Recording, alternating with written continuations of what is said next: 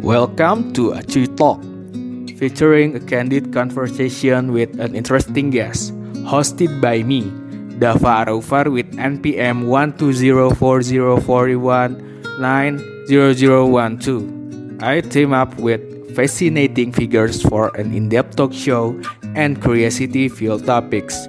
Each episode is very Cheng Talk with a well-created guest. The intimate conversation can lead you to the unexpected. So, you are in for treats because we're here to tell you the other side of every story. So, stick around because we talk, you listen.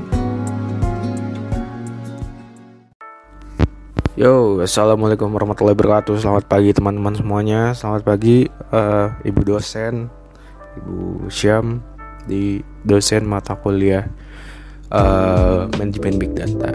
Jadi pada hari ini saya akan mengemas ujian akhir semester saya dalam bentuk sebuah podcast.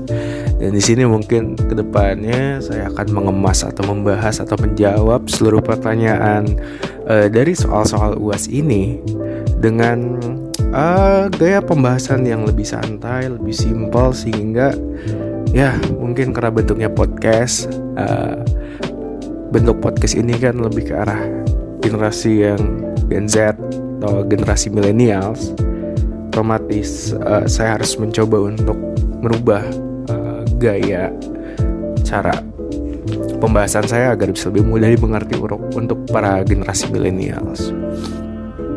Oke, okay, untuk uh, ada beberapa pertanyaan yang akan saya jawab. Ya, mungkin dari segi pertanyaan dan jawabannya pun saya akan menjawab sesantai mungkin. Oke, saya coba buka soalnya.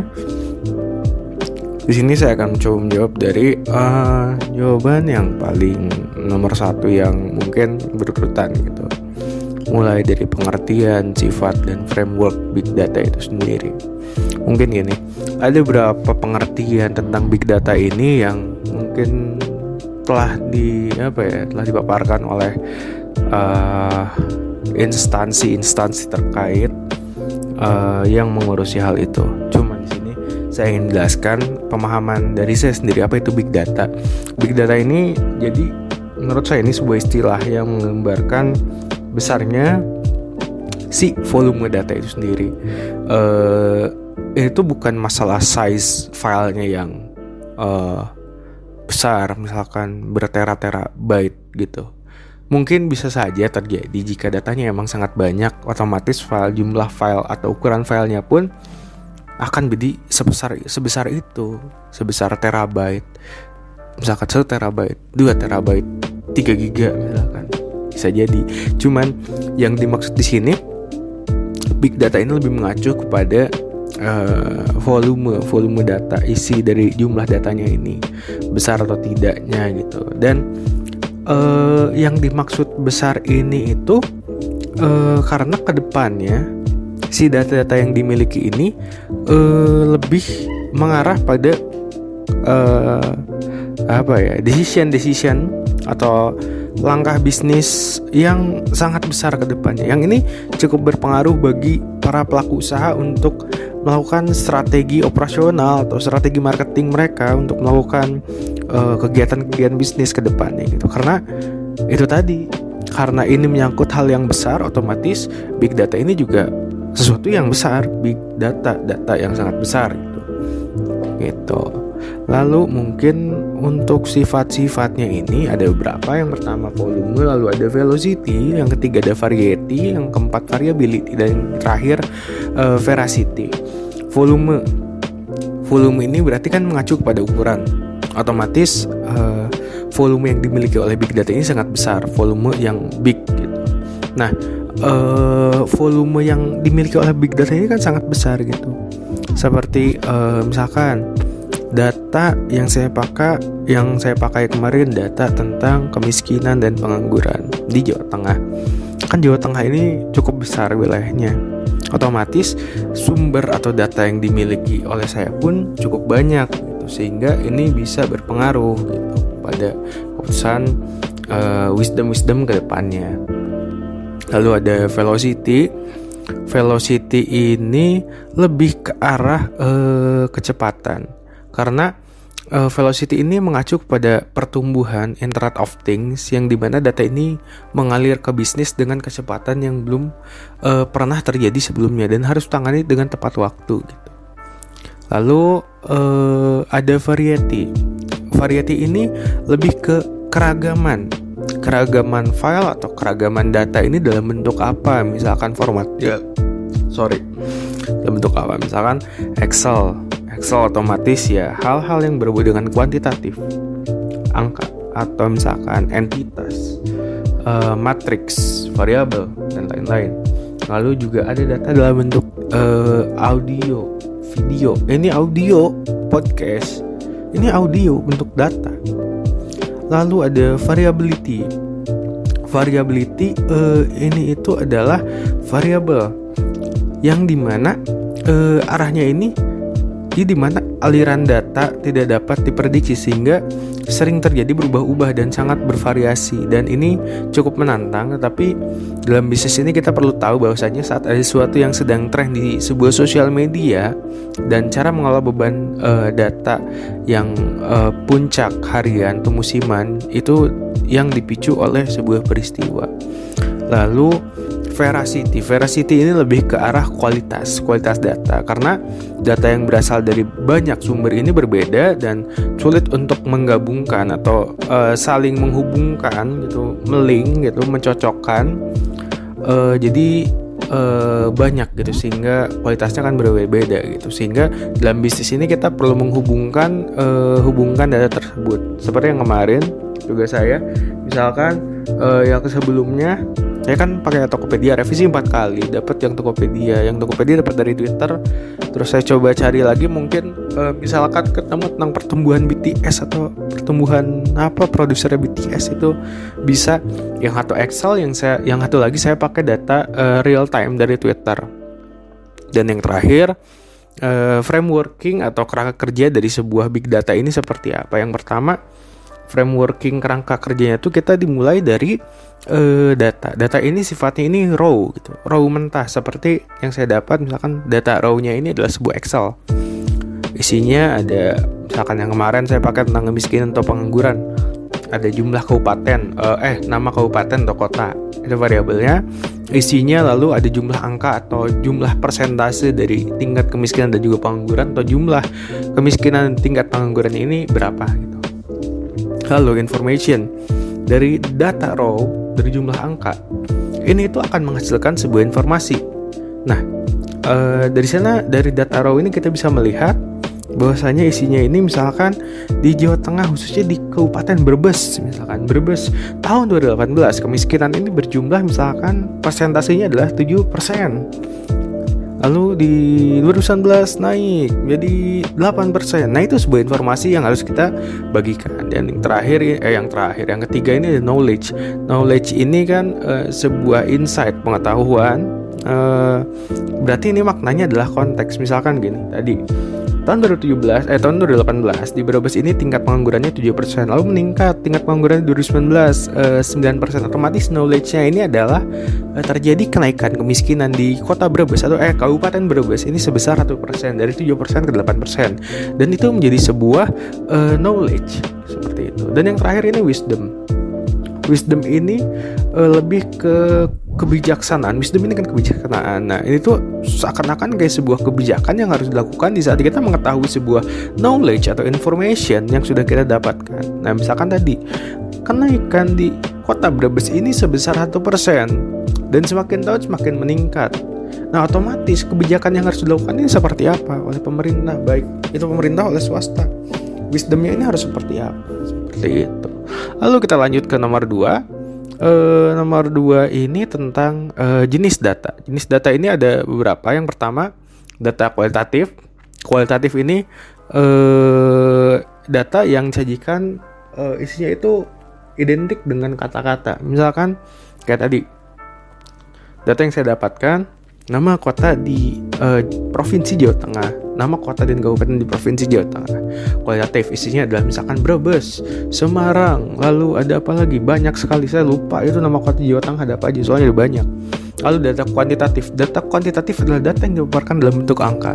Identik dengan angka, misalkan tingkat kemiskinan ada berapa persen atau misalkan ada ada berapa jumlahnya misalkan di Brebes eh, tujuh persen yang tadi atau misalkan jumlahnya ada berapa nah itu kuantitatif nah untuk mengkoleksi data ini ada beberapa. Yang pertama bisa dengan observasi. Uh, observasi ini adalah metode pengumpulan data yang dilakukan dengan kita mengamati langsung. Lalu ada wawancara. Wawancara ini ya tanya jawab dengan narasumber atau pihak terkait lalu dokumentasi dokumentasi ini eh, pengumpulan data yang di mana kita melihat langsung sumber-sumber dokumen eh, yang berkait dengan topik yang sedang kita angkat. Dan yang terakhir kuesioner. Kuesioner ini adalah teknik yang di mana kita mengumpulkan informasi yang menginginkan eh, analis mempelajari sikap-sikap serta perilaku atau karakteristik di beberapa pengguna atau di beberapa user atau pihak terkait. Seperti itu lalu uh, modeling data. Model data ini kan uh, tentang merepresentasi merepresentasikan karakter hubungan dalam sebuah database.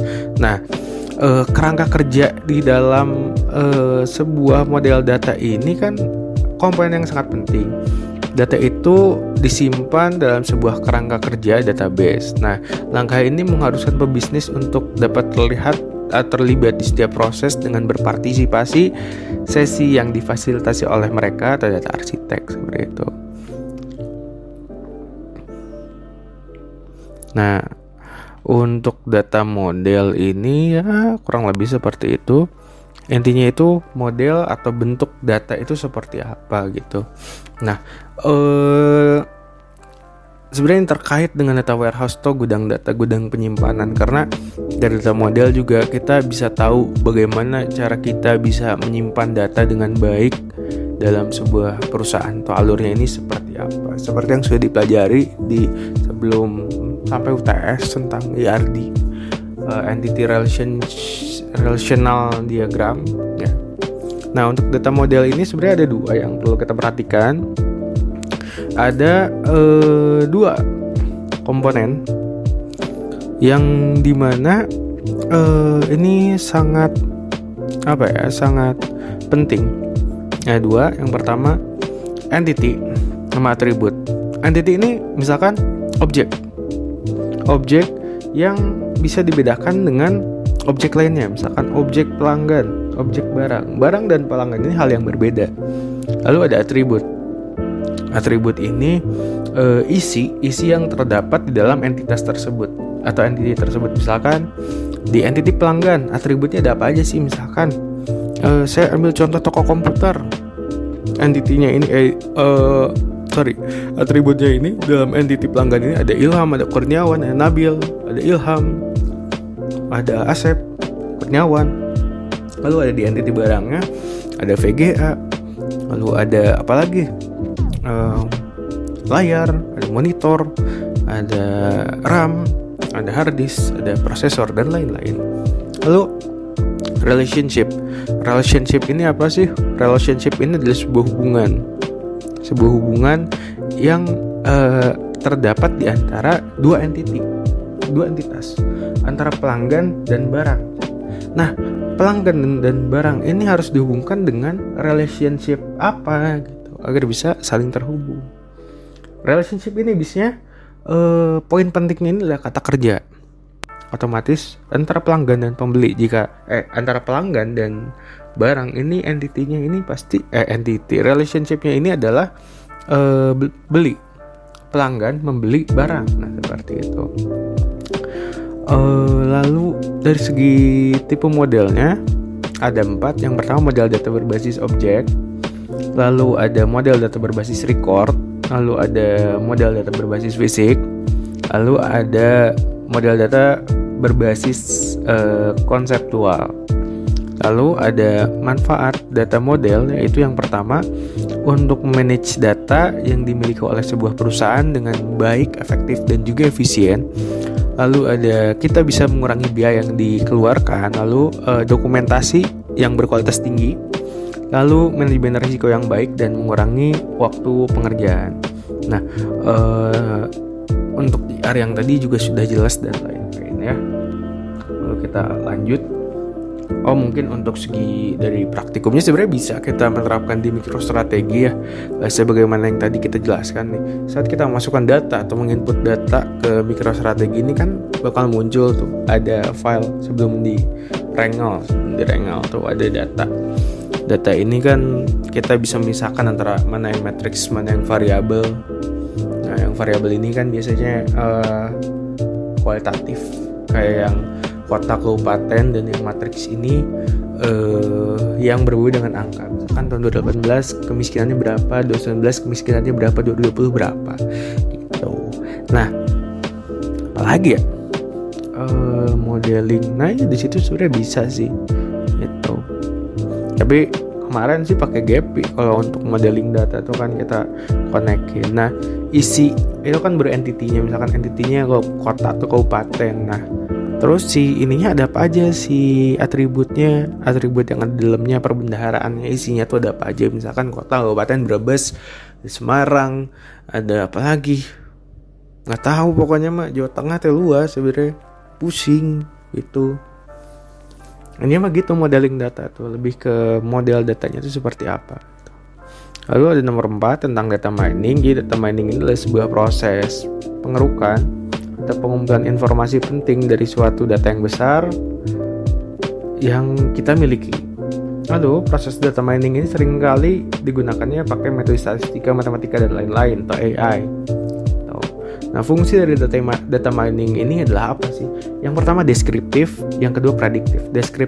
deskriptif itu menjelaskan, kita mendeskripsikan eh, hal-hal uh, yang telah kita amati dari data yang kita miliki. Lalu prediktif. Prediktif ini adalah prediksi. Kita uh, dengan data mining ini kita bisa memprediksi hal-hal yang akan terjadi uh, dengan menggunakan data tersebut gitu. Nyantai dulu aja ya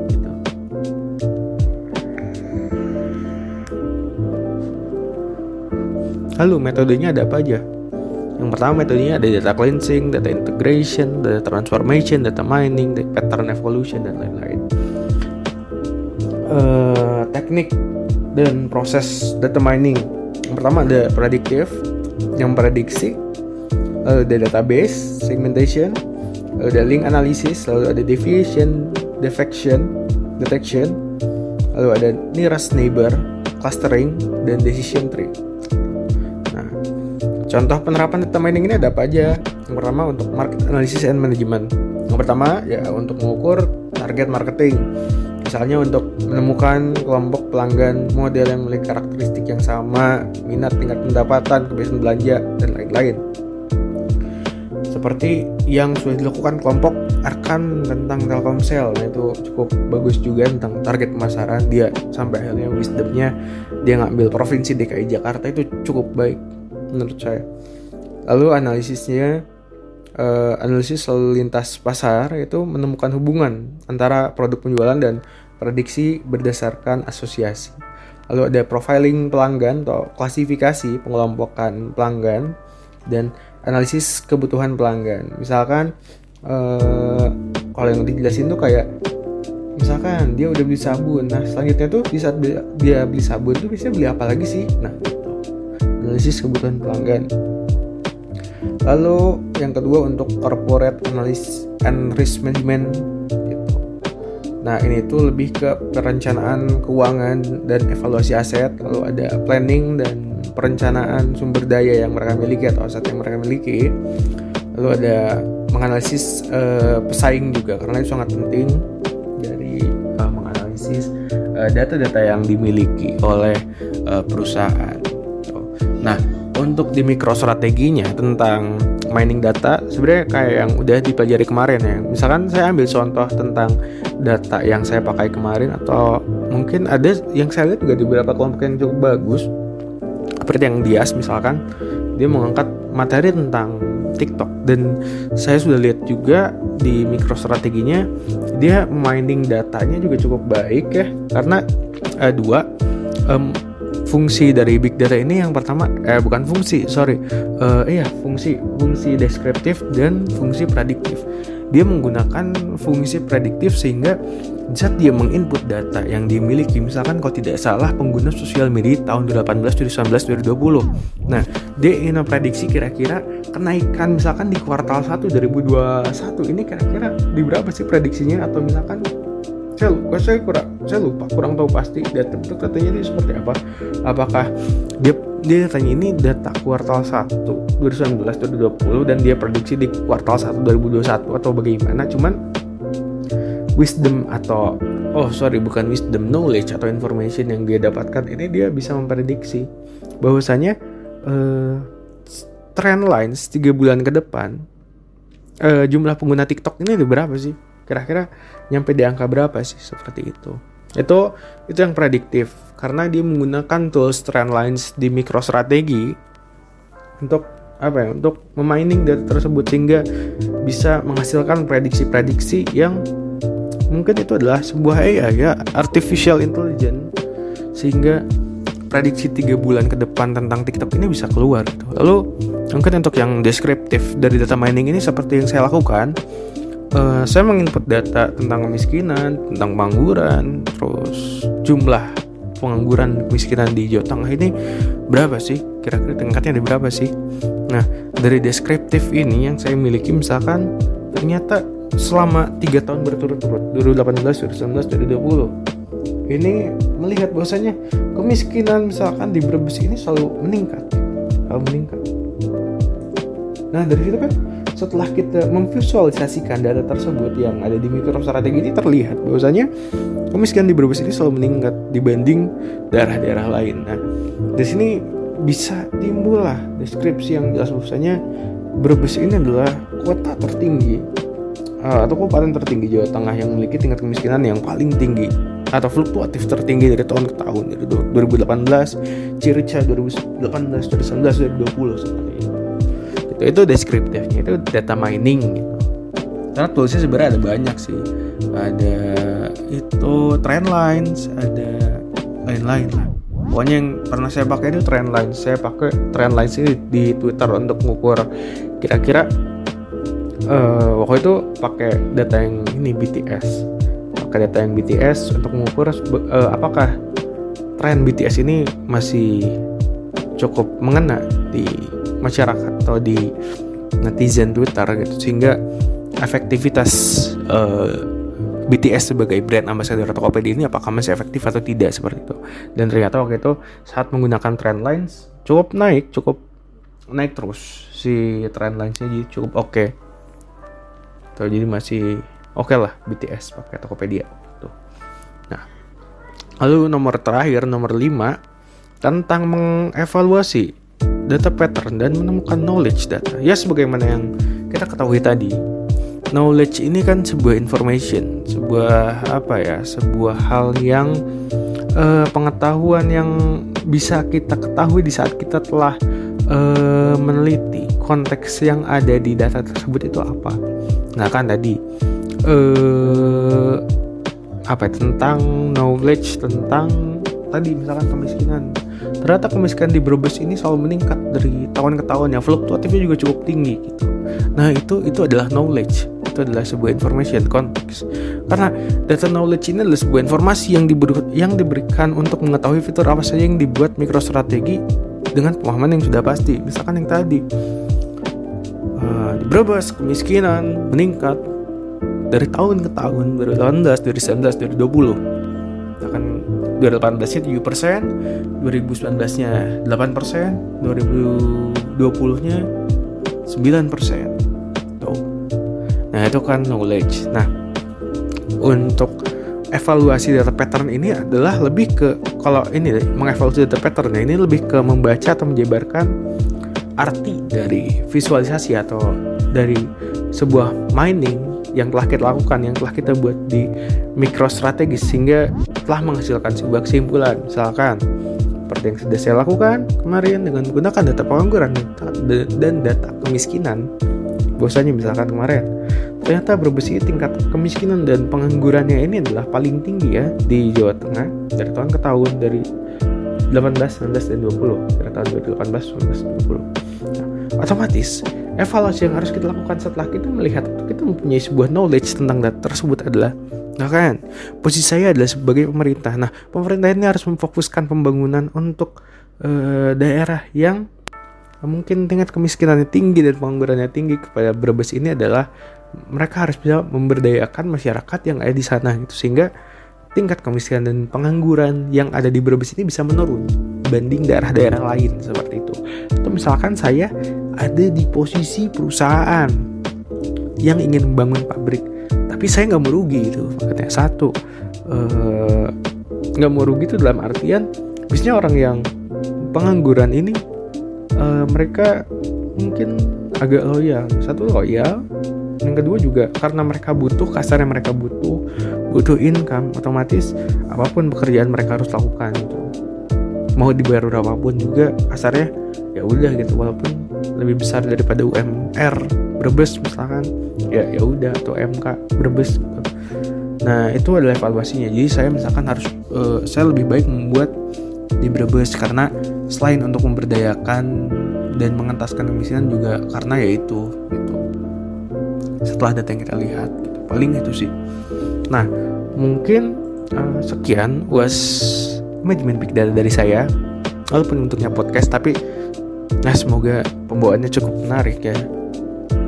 Soalnya saya nggak biasa. Ini agak tegang juga sebenarnya karena ini formal, eh, agak sedikit formal jadi saya kaku. Biasanya saya nge-podcast di podcast Matkul ada di Spotify barangkali ibu mau dengerin juga itu itu podcast saya juga sama teman-teman cuman lagi vakum lagi terus cuman ya ya udah sih ini mah podcast yang agak serius aja cuma bawaannya agak saya turunin walaupun nggak sesantai di podcast matkul cuman kayak ya udah aja lah nggak apa terima kasih.